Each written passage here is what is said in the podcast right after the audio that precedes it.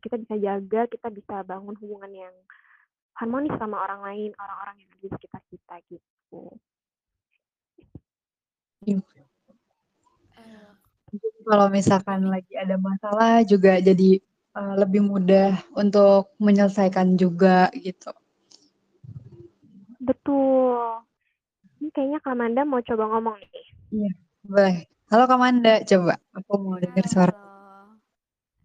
Udah kedengeran jelas belum ya? Kedengeran jelas, cuman kecil suaranya, Kak.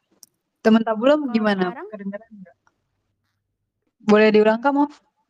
Kalau kalau sekarang Nah, ini udah lebih terdengar, Kak. udah lebih terdengar ya. Oke. Terima kasih, Eh, Kak. Iya. Mm-mm. Tadi Mungkin aku aku sama juga bisa sharing tadi ya soal seberapa penting sih menurut uh, kita sendiri untuk tahu love language kita. Jadi kalau kita udah tahu nih uh, love language kita maupun uh, siapa pun yang berhubungan sama kita, itu tuh uh, menjadi kunci dari hubungan kita supaya hubungannya sehat dan juga kayak siapa pun ya mau, mau orang tua kita, mau pasangan kita, mau sahabat kita, atau mungkin orang-orang di sekitar kita yang mungkin aja sebenarnya nggak sedip itu sih hubungannya tapi kan kita juga apa ya selalu ada kasih sayang cinta di antara uh, manusia gitu ya hubungan manusia gitu nah dari situ kita tahu love language kita apa kita pun juga jadi uh, lebih paham sama diri kita sendiri nih untuk reflect kayak kenapa sih kita kayak gini apa sih uh, apa sih uh, alasan-alasan kita merasa dicintai seperti ini, kenapa orang juga uh, bertindak seperti ini kepada kita. Jadi kita juga bisa tahu uh, meaningnya di belakangnya. Nah, uh, mungkin teman-teman juga udah sempet dengar sih kayak supaya uh, kenapa sih kita harus tahu? Karena kita supaya kita dicintai dengan dengan benar oleh orang lain, kita juga harus tahu dulu kita tuh gimana cara cinta kita sendiri. Gitu menurut aku. Yep. Aku juga setuju banget Kak, karena um, kalau misalkan kita mau menjalani hidup apa hidup atau hubungan dengan orang lain yang sehat itu perlu banget yang namanya love language supaya kita nggak salah dan bermakna lebih ada maknanya ya kalau yang aku simpulin dari Kamanda tadi. Ya betul banget. Kadang banyak banget nih kak kayak misconception uh, about love language. Nah, uh, gimana cara Kacey sama Kamanda menanggapi itu? Mungkin dari Kacey dulu, tadi kan Kamanda udah. Oke, nah sebelum masuk ke misconception, tipsnya gimana atau cara mengatasinya gimana gitu ya? Iya. Aku dan Manda pengen ngebahas dulu kali ya, ini miskonsepsi-miskonsepsi tentang love language yang kayak sering kali tuh kita dengar, kita baca gitu ya di sekitar kita gitu. Mungkin pertama-tama soal ini dulu kali ya, um, tentang love language itu sendiri gitu kan. Love language kan ada lima ya teman-teman. Nah, biasanya nih dari love language itu ada nih yang bilang kayak misalnya, oh kalau dia tuh orangnya physical touch, jadi uh, dia sukanya pegang-pegang, atau misalnya, oh dia tuh orangnya act of service, jadi dia bucin kali ya, atau mungkin receiving gift, eh matre kali ya gitu. Itu sering banget tuh uh, aku baca, aku dengar kayak gitu. Dan sebenarnya ya teman-teman, love language itu bukan berarti seperti yang tadi aku sampaikan atau seperti yang mungkin teman-teman pernah baca di sosial media, di Twitter atau di mana pun gitu. Sebenarnya love language itu ya memang bahasa kasih gitu dan bukan berarti itu negatif atau bukan berarti itu jelek pada pada seseorang gitu. Di sisi lain juga pernah nggak sih teman-teman nih uh, dengar kayak misalnya gue tuh orangnya love, love language gue tuh orangnya um, physical touch banget gue tuh nggak nyambung sama dia soalnya dia orangnya uh, act of service banget gitu pernah nggak sih teman-teman dengar yang kayak gitu-gitu tuh yang kayak misalnya iya gue so gue nggak bisa relate deh sama lo soalnya lo tuh orangnya act of service banget sedangkan gue physical touch banget gitu pernah pasti pernah ya teman-teman dengar yang kayak gitu-gitu nah sebenarnya teman-teman uh, love language itu bukan berarti uh, kita nggak bisa relate sama orang yang punya love language-nya tuh beda sama kita.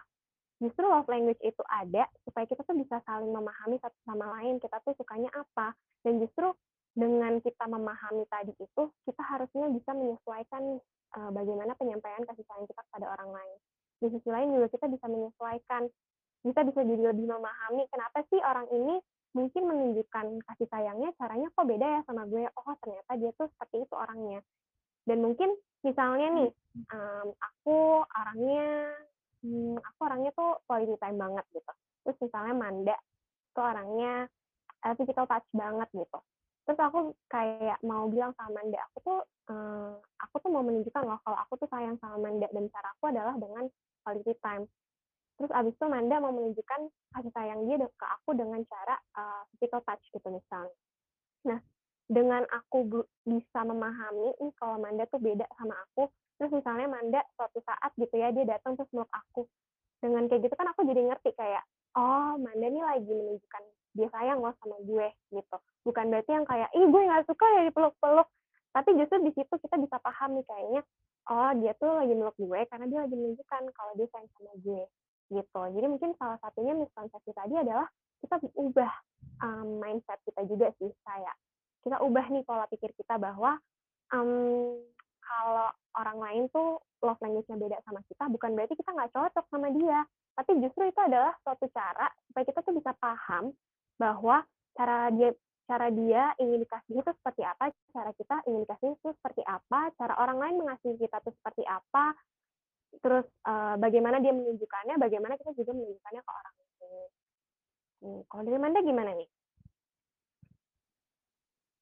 Oke, aku setuju banget sih, karena apa yang udah uh, case sharing tadi itu tuh benar-benar intinya tuh benar-benar bilang kalau kita kita tidak seharusnya membuat love language itu sebagai label gitu ya.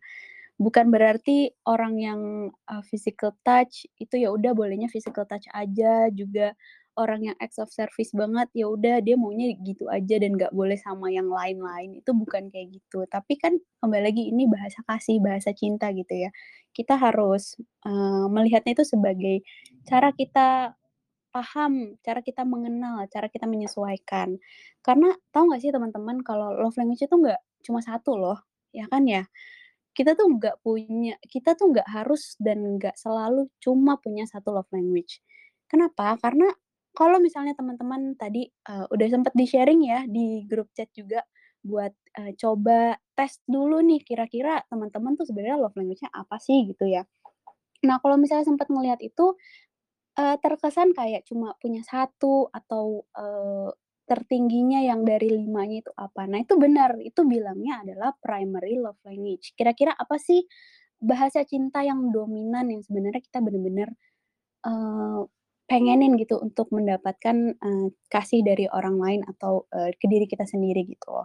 Jadi kita pun juga lebih aware kalau kita tuh, uh, sukanya kayak gimana untuk ngerasa dikasihi, kita maunya diekspresikannya seperti apa, dan segala macamnya. Jadi, uh, kita juga harus meluruskan nih miskonsepsi-miskonsepsi kalau kita mengkotak-kotakan orang pada saat mengomongkan soal love language. Balik lagi seperti yang Kakek udah cerita tadi, cari pasangan itu nggak harus sama gitu ya. Kita uh, kita saling melengkapi dan kita saling memahami pada saat kita tahu love language uh, pasangan kita, keluarga kita, sahabat kita seperti itu. Dan di situlah pada saat kita bisa memahami seseorang, di situ juga kita akan merasa kalau kita itu penuh, kita itu fulfill needs uh, pasangan kita, sahabat kita, dan kita pun ngerasa terfulfill secara kasih sayangnya. Maka dari itu, mungkin pembicaraan soal love language yang seb yang biasanya jadi small talks atau sisipan-sisipan ringan gitu ya sama, uh, orang-orang di sekitar kita sebenarnya bisa kok dijadiin, uh, poin yang perlu diperhatiin. Kenapa? Karena kita kan kita kan berelasi dengan orang lain itu juga untuk memenuhi kebutuhan-kebutuhan akan, uh, intimacy mungkin ya. Nah di situ kita jadi paham gitu, oh dia maunya seperti ini, oh kita seperti ini maunya di diperlakukannya, diberikannya. Dah jadi dari pada saat du relasi antara, uh, kita dengan orang lain itu terpenuhi secara meluas gitu ya, kita pun juga jadi akan punya bond yang lebih kuat, kita juga akan lebih ngerasa kalau kita tuh erat gitu sama dia sampai kita jadinya punya hubungan yang positif, nega eee, positif, sehat, juga, mmm, puas gitu antar hubungannya, kayak gitu.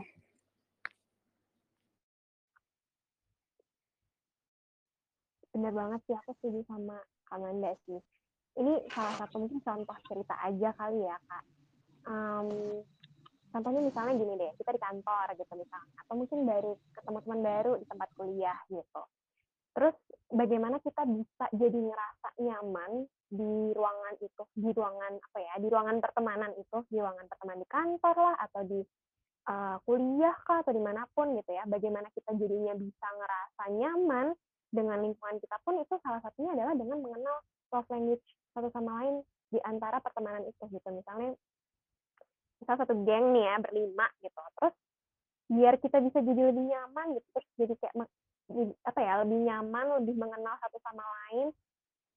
Salah satu caranya adalah kita harus tahu nih kayak teman kita nih love language-nya tuh apa sih mereka sukanya tuh apa sih mereka lebih kurang sukanya tuh apa sih gitu. Kalau kita mau menunjukkan kita nyaman berteman sama mereka kita sayang sama teman kita gitu ya. Gimana sih caranya supaya bisa menyampaikan itu gitu. Itu kan salah satunya adalah dengan mengenal language mereka gitu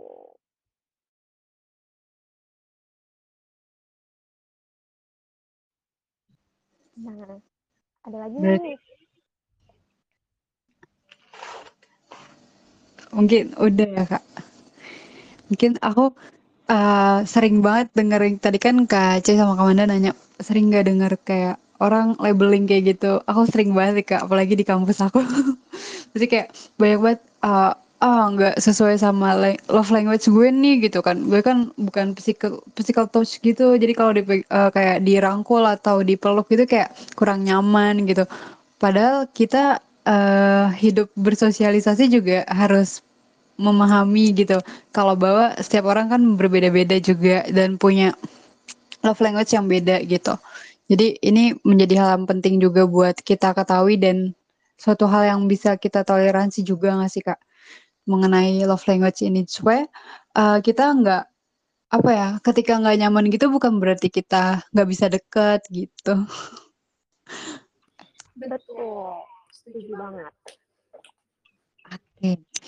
Anyway, uh, Kak C sama Kak Manda udah nemuin belum sih love language-nya kakak-kakak? Dan aku mungkin aku sama temen Tabula pengen uh, denger gimana sih uh, cara kakak untuk menemukan love language kakak dan gimana kakak memahami love language itu sendiri. Mungkin dari Kak Manda. Iya.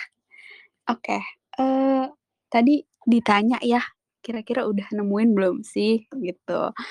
Kalau dari aku pribadi nih, sebenarnya mengetahui love language itu lifetime journey ya. Dan balik lagi teman-teman ingat kita itu manusia, manusia itu dinamis. Jadi love language itu bukan suatu hal yang fix gitu. Di awal kita taunya ini love language kita, terus sepanjang hidup kita itu love language kita, enggak. Jadi teman-teman boleh terus-terus me terus-menerus refleksi, terus-menerus, uh, berkaca, ngobrol sama sama diri kita sendiri, apa sih love language-nya, gitu. Nah, kalau untuk aku nih, sepanjang aku 22 tahun aku hidup, aku telah me melewati berbagai macam perubahan love language, sampai saat ini, untuk saat ini love language-ku adalah, um, primary-nya words affirmation words of affirmation, yang kedua primary-nya adalah, uh, physical touch, gitu. Jadi kebetulan aku punya primary love language yang dua gitu ya, karena ini dua-duanya entah kenapa dominannya tuh sama gitu dan aku dan aku, um, menyadari itu sih. Nah, apa sih yang yang bikin aku bisa sadar gitu ya? Satu, sebenarnya aku juga annually isi tes yang love language sih. Cuma despite, uh, hasil tesnya itu sebenarnya kita lebih ber ber berefleksi sama diri kita sendiri gitu. Kira-kira kita sukanya tuh diapain sih? Kita sukanya bahasa cinta seperti apa? Baik lagi gitu ya. Karena kenapa? Karena sebenarnya kan yang yang menjalani hidup itu kan kita gitu ya, yang mengalami semua semua semua pengalaman-pengalaman di kehidupan kita, interaksi-interaksi kita dengan orang lain, ataupun kejadian yang kita nilai sebagai kejadian untuk merasakan kasih sayang, itu kan sebenarnya kita gitu ya, konkretnya tuh kita.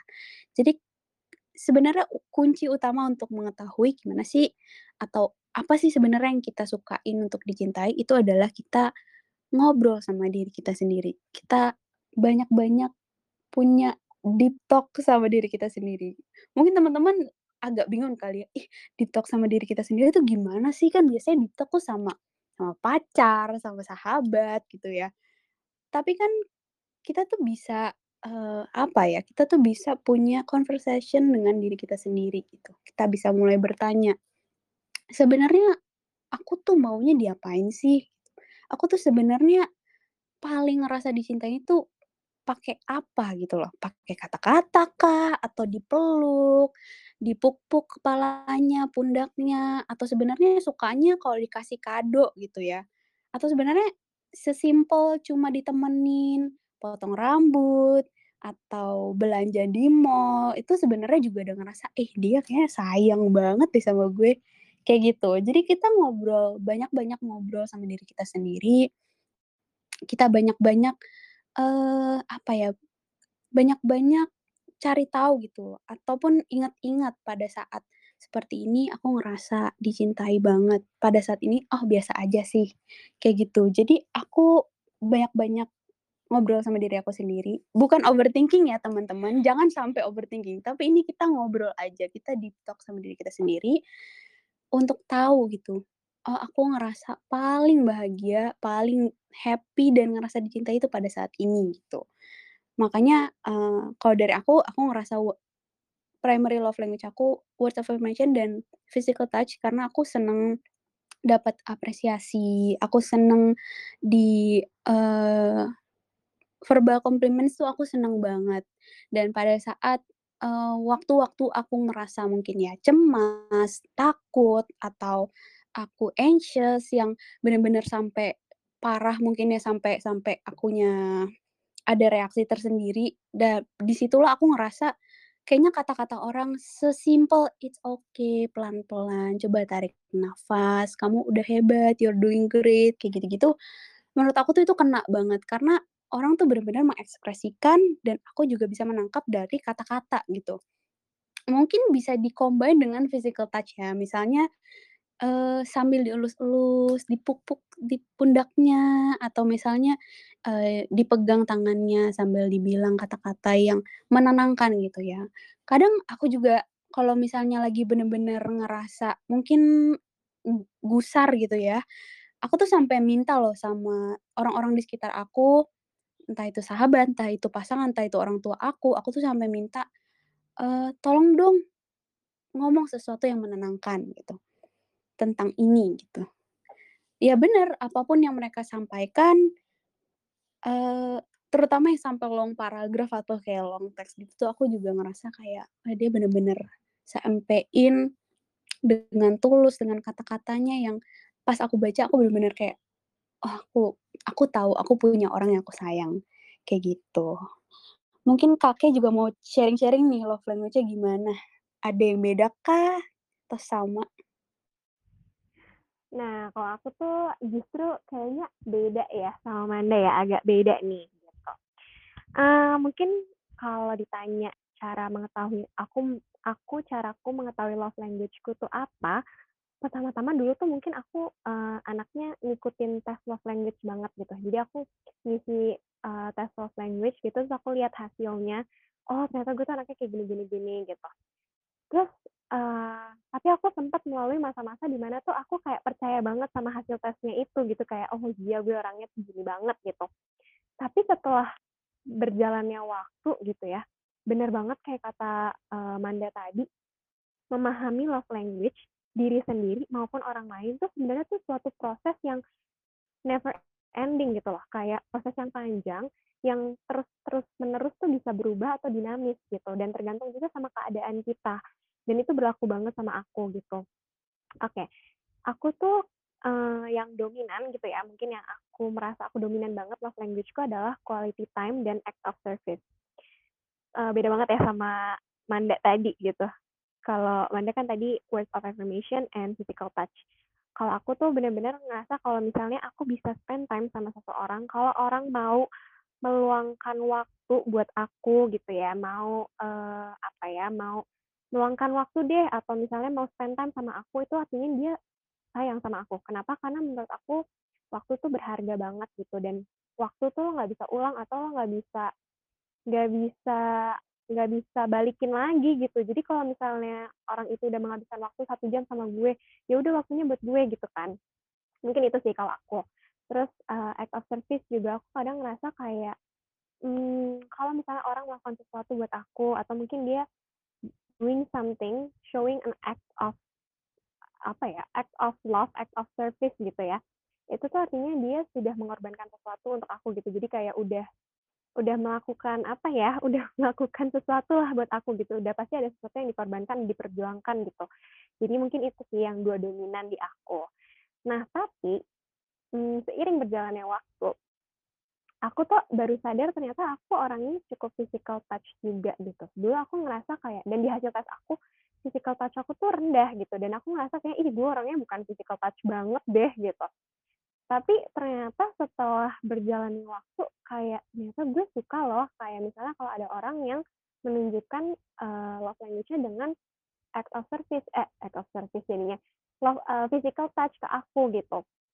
Kenapa aku bisa sadar? Aku kayaknya um, apa namanya physical touch juga deh. Karena aku kayak merefleksikan ke diri aku gitu loh kayak misalnya uh, bukan overthinking ya tapi misalnya kalau aku lagi nggak ngapa-ngapain gitu aku mikir kayak aku seneng nggak ya kalau misalnya aku lagi cemas atau misalnya aku lagi ngerasa nggak nyaman sama diriku terus tiba-tiba ada orang yang meluk atau ada orang yang puk-puk gitu atau ada orang yang apa sih namanya hmm, ngerangkul gitu lah misalnya itu tuh aku seneng gak ya? Gitu. Dan setelah aku pikir-pikir bener juga ya gue tuh sebenarnya seneng dan gue jadi ngerasa nyaman. Kalau misalnya lagi nggak nyaman terus digituin jadi ngerasa nyaman gitu.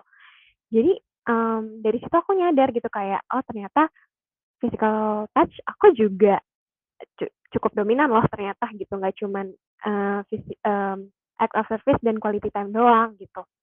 Jadi mungkin kalau dari aku cara untuk memahami love language-ku sendiri adalah satu tadi berefleksi sama kayak Manda gitu. Aku terus-terusan nanya juga sih ke diri aku, kalau aku diginiin aku seneng nggak ya? Atau sebenarnya aku lebih seneng uh, bentuknya yang lain ya gitu. Aku lebih seneng dan lebih merasa dicintai kalau misalnya orang lain tuh nunjukin kayak gimana sih atau mungkin aku uh, ke diriku sendiri juga gitu. Aku lebih seneng kalau misalnya aku ngapain ke diri aku sendiri sih gitu. Jadi terus-terusan bertanya ke diriku sendiri gitu.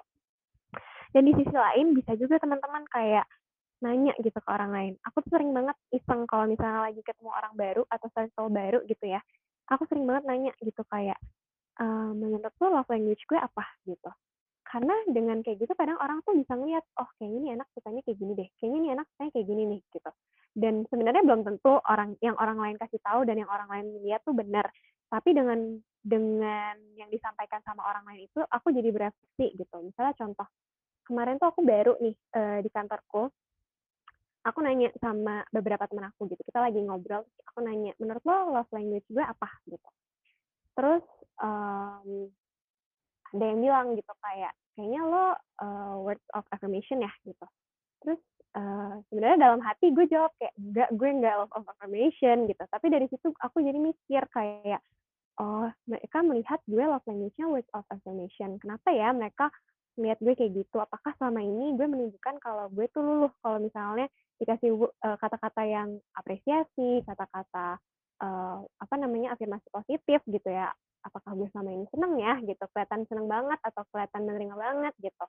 Dan dari situ aku jadi nyadar kayak oh iya jadi jangan-jangan selama ini sebenarnya gue ngerasa gue orangnya bukan words of affirmation banget tapi ternyata gue uh, words of affirmation loh gitu. Jadi mungkin kalau dari aku tadi sih dua refleksi ke diri sendiri sama satu lagi mungkin ngobrol sama orang nanya sama orang gitu itu juga bisa gitu sih paling oke jadi aku juga baru tahu kak kalau misalkan uh, love language itu bisa berubah-berubah Aku pikir kalau misalkan physical touch, ya udah physical touch seumur hidup gitu. Ternyata enggak ya, ternyata berubah-berubah dan itu enggak akan pernah ada habisnya selama kita hidup.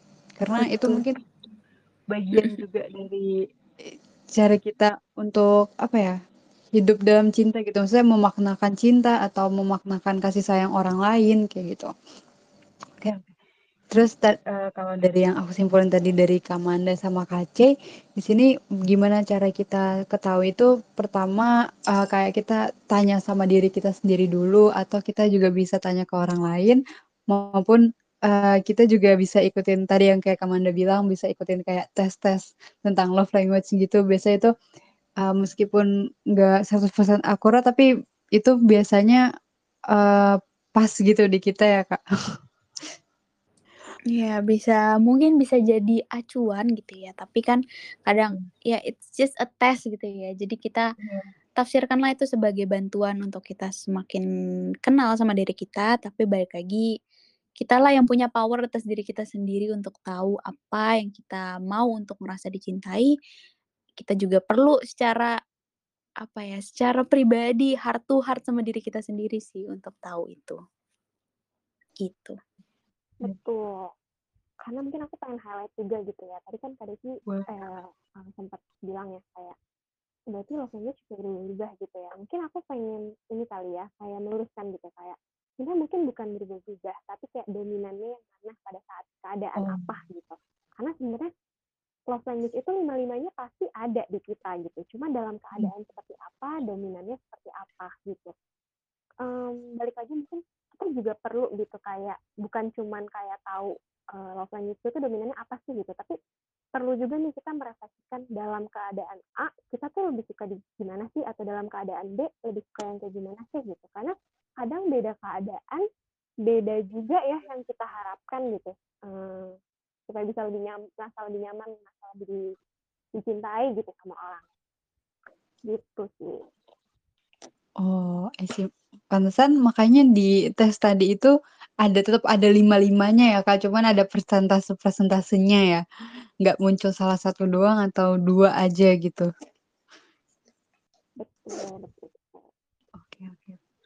Makanya tadi pas aku tes gitu, kayak aku ngerasa, kayaknya aku juga kayak gini deh, tapi aku juga kayak gini deh, gitu. Jadi aku kayak bingung sendiri, jadi aku level language apa ya sebenarnya, kayak gitu.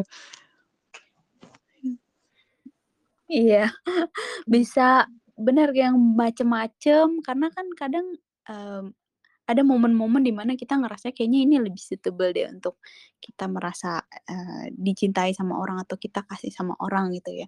Jadi ya uh, balik lagi itu juga pengalaman hidup juga sih ya untuk kita bisa tahu kondisi seperti apa, yang tepat seperti apa. Jadi bukan benar-benar nol, bukan benar-benar uh, cuma itu doang. Baik lagi bukan untuk melabel tapi untuk melihat apa sih yang dominan gitu aja sih betul betul kak apa yang dominan dan mungkin apa yang kita butuhin ya kak supaya kita nggak ngerasa kurang atau kosong gitu ya Oh ya kak, uh, di sini gimana sih uh, cara KC sama Kamanda untuk kayak lebih uh, mengetahui love language itu dan mungkin gimana gambaran untuk teman-teman supaya enggak sekedar apa ya kayak tahu oh love language-nya ini kayak gini gitu. Jadi lebih paham lagi mengenai love language. Itu caranya gimana sih Kak? Kadang yang mungkin tadi kita nanya sama diri sendiri, nanya sama orang lain atau ikutin tes gitu. Mungkin ada lagi nggak sih Kak uh, caranya atau uh, ada beberapa tips mungkin dari Kak Cai sama Kamanda biar kita bisa pah lebih paham atau menemukan love language kita.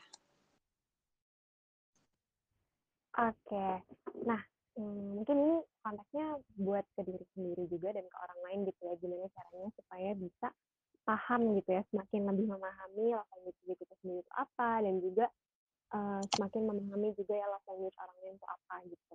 Ada satu kata kunci yang sebenarnya udah ada di judul gitu ya, tapi kayaknya dari tadi kita belum nyebut-nyebut ya. Jadi um, salah satu caranya adalah empati gitu. Empati ini satu kata yang simple, satu kata yang kayaknya common banget kita dengar gitu ya sehari-hari gitu. Tapi sebenarnya nih empati ini luar biasa banget perannya gitu dalam hidup kita. Kunci banget gitu, terutama mungkin dalam bagaimana kita menyatakan kasih sayang kita ke orang lain atau bagaimana kita menyatakan kasih sayang ke diri sendiri. Dan empati tuh nggak selalu hmm, apa ya, nggak selalu melulu bagaimana kita berusaha berempati sama orang lain, tapi berempati ke diri kita sendiri pun itu juga perlu gitu. Itu juga harus dilakukan gitu. Um, empati, empati itu kan sebenarnya apa ya, kayak keadaan atau gimana kita tuh bisa benar-benar paham apa yang benar-benar dibutuhkan sama orang lain atau apa yang dibutuhkan sama diri kita sendiri. Memahami gitu ya, memahami menempatkan diri kita di sepatu orang lain atau di sepatu kita sendiri gitu. Kadang bahkan kita nggak nggak ngerti kita maunya apa, kita butuhnya apa gitu. Dan di situlah kita perlu perlu berempati sama diri kita sendiri, perlu sayang sama diri kita sendiri, perlu mendengarkan apa yang orang lain mau, apa yang apa yang diri kita mau gitu membedakan juga kita ini sebenarnya lagi butuh apa, kita lagi pengen apa gitu. Jadi tadi, kalau misalnya ke diri kita sendiri, satu, kita bisa berempati ke diri kita sendiri, kita terus-terusan tanya. Kita terus-terusan yang kayak, dengerin lah, ini tuh lagi lagi kenapa sih gue, lagi butuhnya tuh apa sih gue gitu. Jadi berempati ke diri sendiri gitu, kayak berusaha apa ya, mendengarkan lah apa yang kita butuhkan. Begitu juga ke orang lain, kita perlu berempati gitu ke orang lain, kayak menempatkan posisi kita di uh, orang lain gitu. Kira-kira nih orang butuhnya apa ya? Dia lagi dalam keadaan seperti ini, kira-kira tuh yang yang pas buat dia, yang nyampe buat dia, yang dia butuhkan tuh apa gitu. Jadi benar-benar ngena, benar-benar sesuai dengan kebutuhan orang itu tadi dan benar-benar uh, apa ya pas lah gitu. Contohnya misalnya kayak kita ngeliat nih ada teman kita atau ada pasangan kita lagi sedih gitu. Kira-kira kalau kita berempati sama dia, kita berusaha untuk memahami, oh dia tuh sedihnya kayak gini loh, karena kayak gini loh, rasanya seperti ini loh. Dan kira-kira nih, kalau misalnya dia ada di posisi dia, mengalami seperti itu, um, yang gue rasain sedihnya seperti itu, kayaknya sebagai dia orang yang physical touch, kayaknya dia perlu deh dia rangkul, perlu deh dia peluk, atau perlu deh gue pupuk, atau misalnya dia orangnya words of affirmation banget kayaknya dia tuh lagi sedih kayak gini dia tuh butuh ada yang memberikan dia reassurance gitu butuh ada yang ngasih dia tuh afirmasi bahwa dia tuh udah melakukan yang terbaik atau misalnya udah udah oke okay, gitu jadi tadi kayak misalnya kalau kita benar-benar tahu nih posisi orang itu apa yang dia lagi alami apa yang dia rasakan gitu kita juga jadi bisa berempati juga kira-kira nih love language yang bisa nyampe ke dia tuh pada saat itu tuh apa Gitu. Kalau dari mana gimana? Kalau dari aku, mungkin sebagian besar udah sangat-sangat diwakili dengan apa yang udah kakek cerita gitu ya. Gimana kita penting banget untuk berempati gitu. Sebenarnya kebanyakan orang hanya kepo gitu ya. Kebanyakan orang cuma pengen tahu aja apa sih love language lo. Sekedar itu aja karena balik lagi tadi kita juga ada beberapa kali sempet ya Kak, kayak kalau ini kayaknya love language tuh menjadi topik yang sangat sangat sangat common dan ringan, tapi sebenarnya juga ada meaningnya juga sih pada saat kita udah tahu love language kayak gimana. Nah, selain uh, selain juga untuk memahami kenapa sih kita berempati, karena kita juga perlu kembali lagi untuk uh, tahu gitu loh apa yang perlu kita prioritaskan. Karena gimana gimana caranya kita uh, tahu orang lain itu seperti apa, untuk kita lebih tahu uh, dia tuh maunya seperti apa. Kita harus tahu, uh, awal-awal dulu untuk kita mau dulu untuk berempati. Sebelum kita bisa berempati, kita mau dulu untuk berempati. Kita mau dulu untuk kenal dia, untuk paham bener-bener, paham aja, paham paham yang permukaannya aja itu belum tentu kita tahu gitu ya. Kayak ibaratnya gini, kita setiap hari kita setiap hari di rumah sama orang tua kita misalnya. Kita hidup sepanjang sepanjang banyak hidup kita sebelum kita keluar dari rumah sama orang tua, sama uh, siblings kita gitu ya. Tapi pernah nggak sih teman-teman berpikir kira-kira orang tua gue udah bener-bener tahu belumnya apa yang gue pengenin, gimana caranya kasih sayang ke gue, gimana caranya sih kakak gue nih adik gue tahu gue pengennya itu diapain kalau lagi sedih, gue pengennya tuh diapain kalau lagi seneng, kayak gitu pernah nggak sih teman-teman kayak wondering gitu, "Emang udah tepat belum ya?" Kayak gitu. Nah, dari situ sebenarnya kita menyisipkan empati kita untuk lebih tahu, untuk peduli, untuk tahu apa sih love language dari, eee, orang lain dan, eee, kita sendiri gitu ya. Nah, eee, balik lagi empati itu kan soal pemahaman ya, pemahaman. Nah, dari pemahaman itu kita bisa menuju kepada, eee, hubungan yang sehat, kualitas hubungan yang lebih tinggi, kualitas hubungan yang lebih, eee, fulfill di diri kita diri kita maupun orang lain gitu ya. Nah, tapi yang perlu teman-teman perhatiin juga bahwa Kakek kan tadi juga bilang ya, kita berempati nggak cuma sama orang lain tapi sama diri kita sendiri gitu ya. Kita juga harus tahu apa yang perlu kita prioritaskan. Karena ini, teman-teman dengar sering dengar nggak sih di internet kalau atau di sekitar kita ya, teman-teman yang sharing eh, apa, eee, teman-teman di sekitar kita yang mungkin aja pernah sharing-sharing nih, kayak, "Iya dia love language-nya A, aku B, terus kita tuh nggak match, kita tuh nggak dapet gitu ya, eee, jadinya nggak ke-fulfill gitu. Gimana ya caranya supaya aku bisa fulfill, eee, love language-nya dia, supaya dia lebih mau sama aku dan segala macemnya. Tapi teman-teman pernah ter terpikir nggak sih, kalau love language teman-teman tuh udah ter terpenuhi atau belum?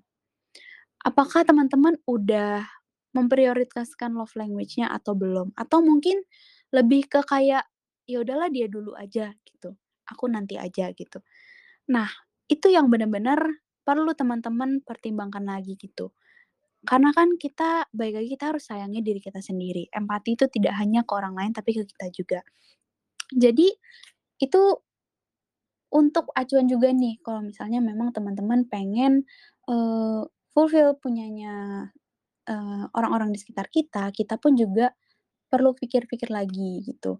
Eee, kita juga penting loh, love love language kita juga penting loh pada saat kita udah terfulfill, itulah pada saatnya kita juga ngerasa, eee, dikasihi gitu. Jadi berempatilah pada diri kita sendiri dan juga kepada orang lain. Eee, memang sih nggak ada salahnya untuk kayak mungkin, mmm, memprioritaskan atau, memprioritaskan orang lain ataupun diri kita, tapi bukan masalah prioritas lagi sih sekarang. Lebih kepada kita tuh pengen semuanya merasa terkasihi, semuanya tuh merasa balance, semuanya tuh merasa terpenuhi gitu, dan ada perasaan wholesome gitu. Apa ya, wholesome tuh lebih ke kayak penuh aja gitu loh, ya puas aja gitu loh.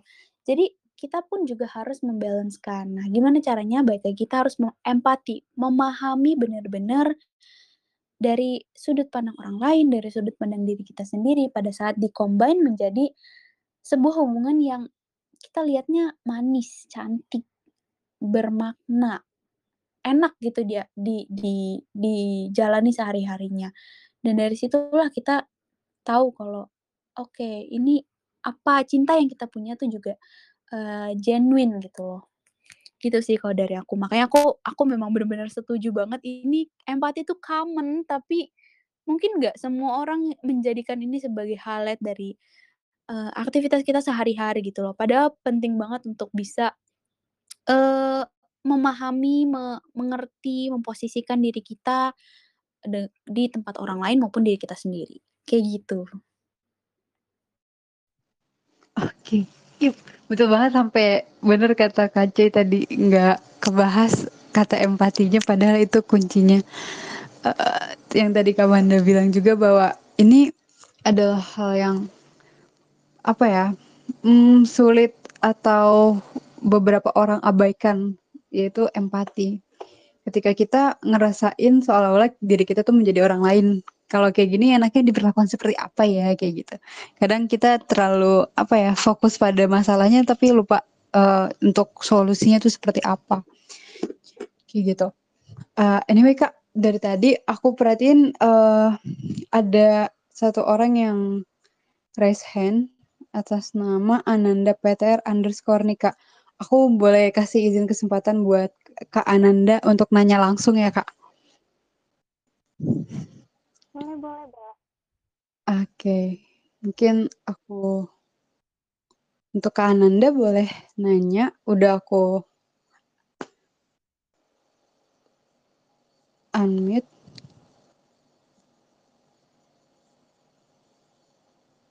Atau mungkin sambil nunggu Kak Kak Ananda, aku mau baca pertanyaan di kolom chat dulu kayak Kak. Selamat mal uh, dari admin Tabula. Selamat malam Kak C dan Kak Manda. Izin nanya ya, gimana cara menghadapi pasangan yang punya love language yang berbeda total dengan kita? Saya love language-nya quality time, pacar saya physical. Love language saya yang terakhir itu physical touch, sedangkan pacar saya love language-nya terakhir quality time. Jadi berkebalikan banget. Nah, ketika lagi bareng, pacar saya main HP dan itu bisa bikin saya nggak seneng. Pacar saya senangnya deket de dekat secara fisik, tapi sayanya jadi risih. Ada solusinya nggak, Kak, kira-kira? Mungkin dari Kak C? Oke, nah kalau dari aku mungkin uh, ini menarik sih karena uh, love language-nya berkebalikan gitu ya. Ini yang sering menjadi apa ya? Menjadi pertanyaan juga buat orang-orang. Kayaknya kalau misalnya love language-nya berkebalikan, bisa nggak sih kita cocok? Bisa nggak sih kita pacaran gitu? Nah, ini menarik banget sih buat aku karena kalau menurut aku bisa sebenarnya. Balik lagi kenapa bisa? Selama keduanya mau saling memahami satu sama lain, selama keduanya mau saling berempati satu sama lain, gitu dalam sebuah relasi tentunya kita nggak mungkin dong bisa yang kayak kita menang terus kayak mungkin hmm, contohnya nih ya misalnya uh, ada pasangan gitu yang satu tadi misalnya love language-nya uh, physical touch yang satu misalnya dia lebih dominannya quality time gitu. Kan mungkin nggak bisa selamanya kayak uh, apa namanya memenuhi yang sebelahnya yang memenuhi yang quality time terus mungkin lama-lama yang quality time ini ngerasa kayak eh, yang physical touch ngerasa kok gue kurang quality time-nya kurang ya. Atau misalnya um, apa namanya eh gimana sih kok aku jadi belibet ngomong intinya misalnya yang satu uh, quality time yang satu physical touch gitu. Terus yang dipenuhi misalnya yang uh, quality time terus. Yang fisik yang physical touch akan nanya kok gue nggak dapet? Kok gue nggak nggak merasa dikasih? Gitu. Sedangkan kalau kita tahu proporsinya kalau kita bisa menyeimbangkan kayak bisa menempatkan oh kayaknya nih uh, kalau saat kayak gini nih saat si quality time lagi butuh butuh banget quality time butuh banget ditemenin berarti ini adalah saatnya si physical touch untuk hadir untuk uh, being present gitu di sampingnya si orang yang quality yang quality time ini. Sedangkan gak bisa terus-terusan selamanya yang quality time juga kayak ih gue maunya temenin terus gue maunya temenin terus lo ada di depan gue lo ada di depan gue gitu. Tapi perlu juga untuk mendengarkan gitu si physical touch kayak suatu saat dia pengen nih dipeluk suatu saat dia pengen nih di ditepuk-tepuk gitu. Suatu saat dia pengen nih uh, ada deketan gitu. Jadi perlu apa ya kuncinya adalah bisa menyeimbangkan bisa memahami satu sama lain kapan butuh kap, kapan butuh uh, kapan si pasangan lebih butuh uh, duluan kapan kita butuh mendahulukan diri kita juga gitu.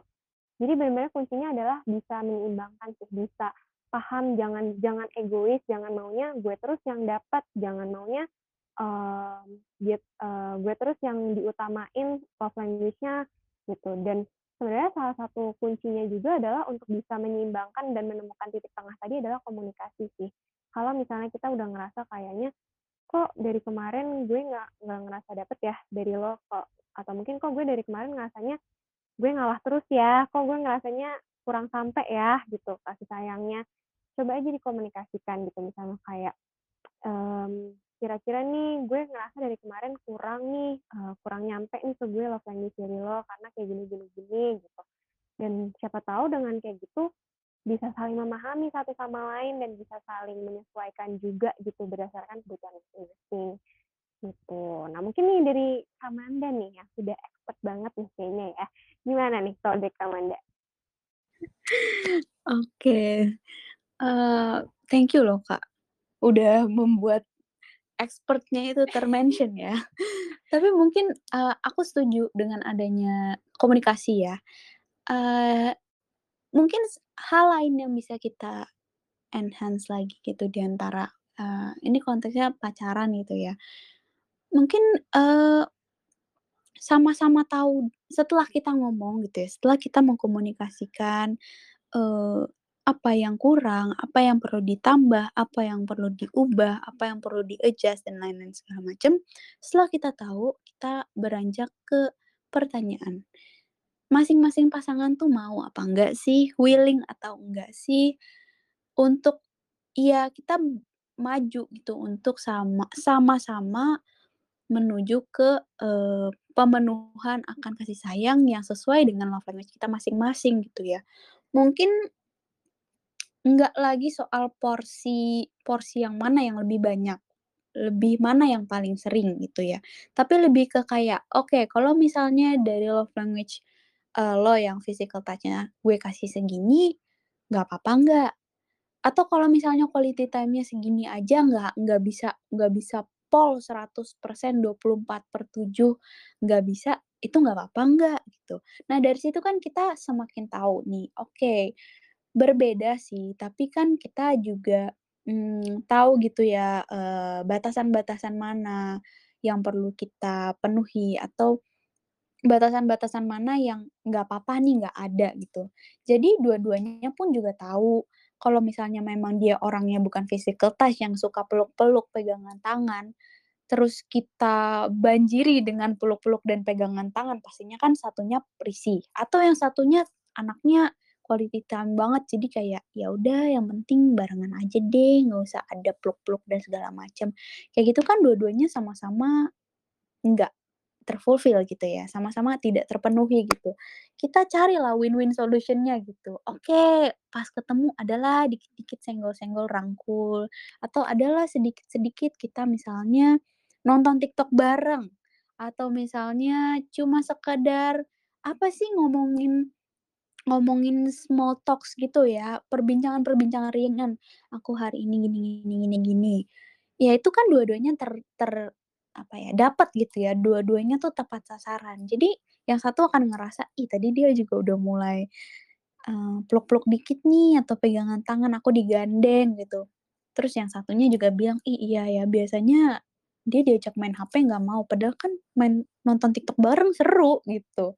Jadi dua-duanya dalam satu pertemuan atau dalam satu, eee, satu momen yang sama, dua-duanya pun juga bisa dapat, dua-duanya juga bisa terpenuhi.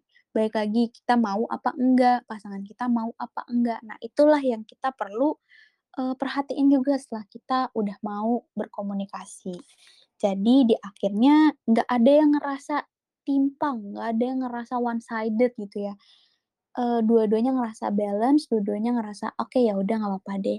Ada batas-batas toleransi yang tentu aja kita perlu, eee, tentukan gitu ya sama pasangan kita sendiri, karena balik lagi punya pasangan itu bukanlah untuk punya, apa ya, eee, kembaran yang bener-bener sama, eh bahkan berkembaran aja nggak sama ya.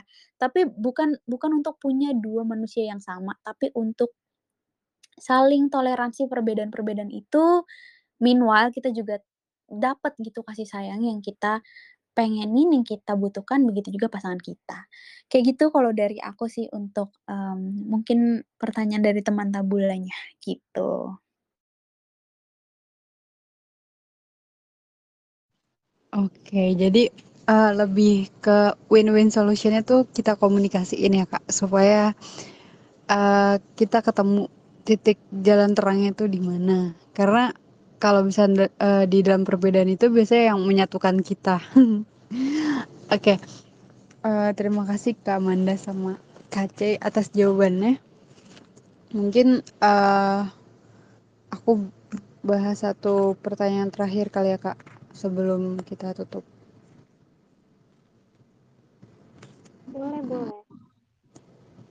Oke, pertanyaannya dari Mimin lagi. Saya ingin mengembangkan love language act of service karena saya ngerasa bisa lebih menunjukkan kasih sayang saya pada pacar.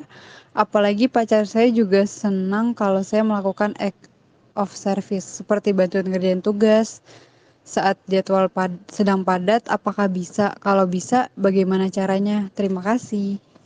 Nah, gimana nih menurut Kamanda? Mengembangkan love language of act of service. Eee, nah, eee, tentunya bisa banget sih, apalagi tadi kan teman tabulnya juga udah sempat mention ya, "Ini pacar aku nih kayaknya suka deh nih kalau dibantu-bantu," atau misalnya aku melakukan sesuatu untuk dia gitu ya. Nah, eee, tentu aja bisa dan itu, eee, justru kamu harus apresiasi diri kamu sendiri sih, karena kamu juga udah, apa ya, udah bisa aware gitu sama pasangan kamu terutama, kalau dia sukanya itu, dan kalau aku bisa itu berarti dia kayaknya bisa lebih sayang juga deh, bisa ngerasain rasa sayang yang aku punya buat dia deh, kayak gitu. Nah pertanyaan bisa nggak bisa, pasti aja bisa. Apalagi kalau misalnya kamu udah ada kemauan gitu. Nah, caranya gimana sih? Eee, pastinya balik lagi kita harus tahu nih, sebenarnya dia tuh maunya acts of service seperti apa. Tentu aja kita perlu, eee, kembali lagi berempati dengan pasangan kamu sendiri. Kita kita posisikan diri kita sebagai dia, eee, hal-hal apa, pengalaman apa, kejadian apa, momen seperti apa yang kiranya ini bisa menjadi celah untuk kita, eee, bantu dia, layani dia dan segala macamnya. Mungkin aja di kehidupan sehari-hari gitu dia senengnya, eee, dibangunin pagi. Kalau misalnya dia misah masih harus kuliah, masih harus sekolah, masih harus ngantor, itu kan harus bangun pagi ya.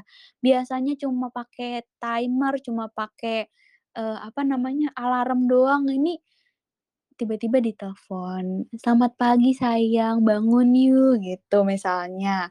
Atau mungkin, mmm, yang biasanya dia harus makan siang pakai Gojek, nah ini tiba-tiba dimasakin atau dibawain bekal, bilangnya, "Ini aku udah masakin nih, biar kamu nggak harus repot-repot lagi nyiapin makan siang."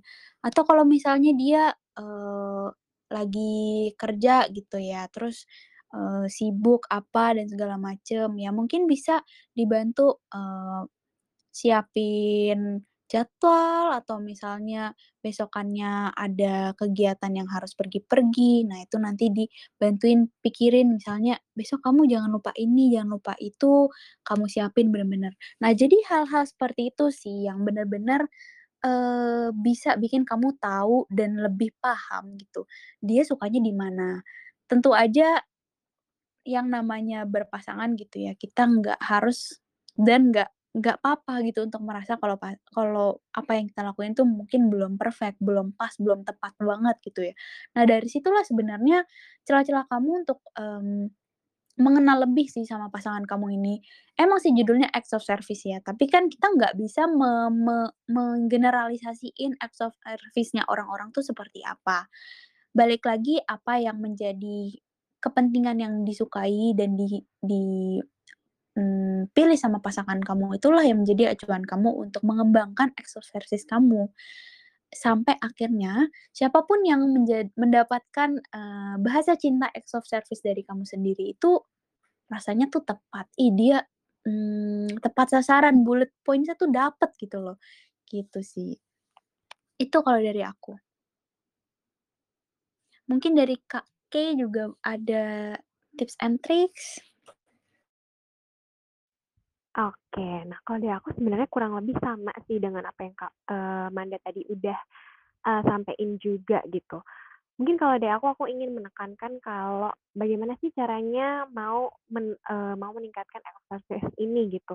Dan mungkin aku pengen point out juga, aku menangkap nih bahwa Kakak yang bertanya ini melalui, eee, Minbo, eee, aku yakin kamu adalah orang yang bisa berempati dan kamu adalah orang yang peka banget gitu, pacar kamu tuh butuhnya apa sih, da karena kamu, eee, dari apa yang kamu sampaikan gitu ya, kelihatan banget nih kamu paham kalau, eee, pacar kamu tuh suka loh kalau dibantuin misalnya lagi padat jadwalnya, dibantuin ngerjain tugas, dia suka loh ternyata gitu. Dan di sini kan udah menunjukkan bahwa kamu punya kemampuan berempati, kamu punya kepekaan yang luar biasa gitu ya dengan pacar kamu, dia tanya apa, kamu bisa paham gitu. Nah, eee, gimana caranya kamu supaya bisa meningkatkan act of service? Salah satunya adalah dengan kamu pahami gitu ya, kayak per karena, eee, meskipun misalnya pacar kamu ini suka act of service, tapi apa yang dia butuhkan kan sebenarnya setiap keadaan tuh bisa jadi beda-beda gitu. Kayak yang tadi Manda sampein, misalnya kalau tadi ini konteksnya yang di, eee, di pertanyaannya adalah kalau lagi padat tugasnya, terus tadi dari Manda juga disampaikan misalnya lagi butuh, mmm, apa namanya, eee, kalau makan siang gitu misalnya, eee, biasanya dia Gojek, terus habis itu kayaknya nih lagi butuh banget nih, eee, apa namanya, si pacar kamu lagi sibuk banget, terus dia lagi butuh, eee, butuh kayaknya kamu ngerasa kayaknya, eee, pacar kamu lagi butuh banget untuk ditu dikasih dikasihi banget gitu misalnya.